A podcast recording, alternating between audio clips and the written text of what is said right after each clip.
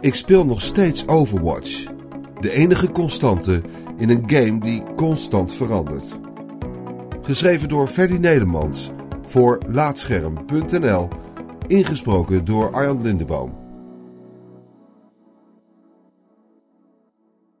Op 24 mei 2016 verscheen de nieuwste game van ontwikkelaar Blizzard, Overwatch.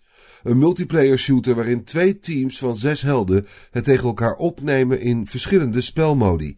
Bescherm de payload, pak het punt of schiet elkaar simpelweg overhoop. Simpele spelprincipes die dankzij goed gebalanceerde helden vrijwel elk potje spannend weten te maken.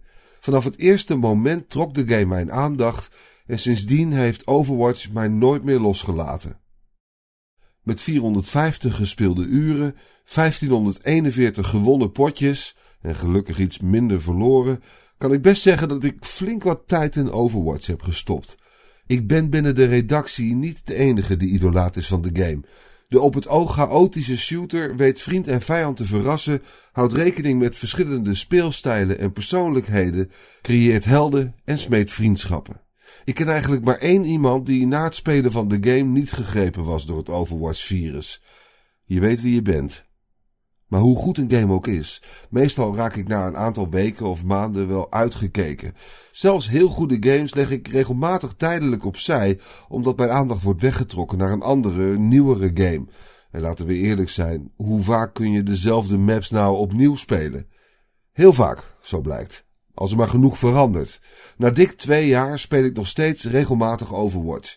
Dat is te danken aan de geweldige groep vrienden waarmee ik het strijdveld betreed, maar is ook grotendeels op het konto te schrijven van ontwikkelaar Blizzard. De maker van Overwatch heeft in bijna 2,5 jaar 75 patches uitgebracht, 7 nieuwe helden toegevoegd, de game voorzien van 10 nieuwe maps en uitgebreid met extra spelmodi.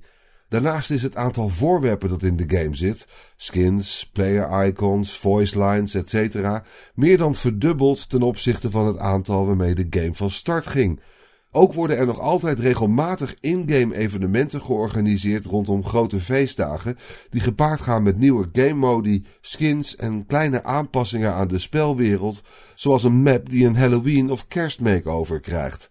Het is een ongekende ondersteuning vanuit een gepassioneerd ontwikkelteam.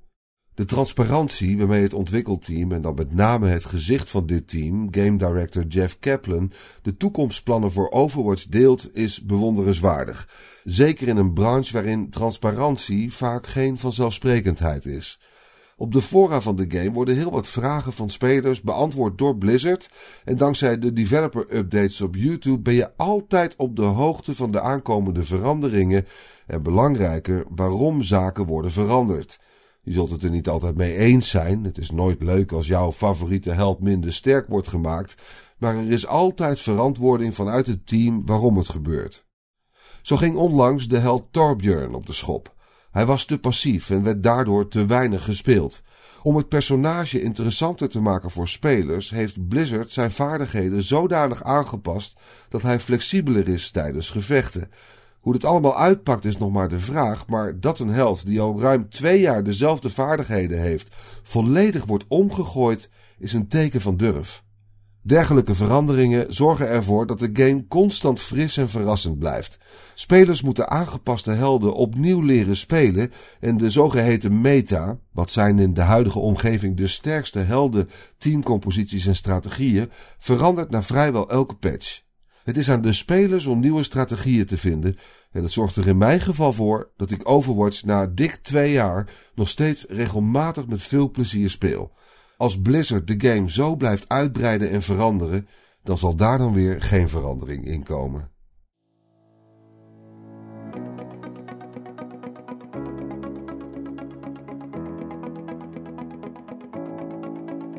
Dankjewel voor het luisteren naar deze aflevering van Laatscherm voorgelezen. Als je waardeert wat we hier doen, dan zouden we het leuk vinden als je iemand anders vertelt over laatscherm.nl of een van onze verhalen deelt op social media.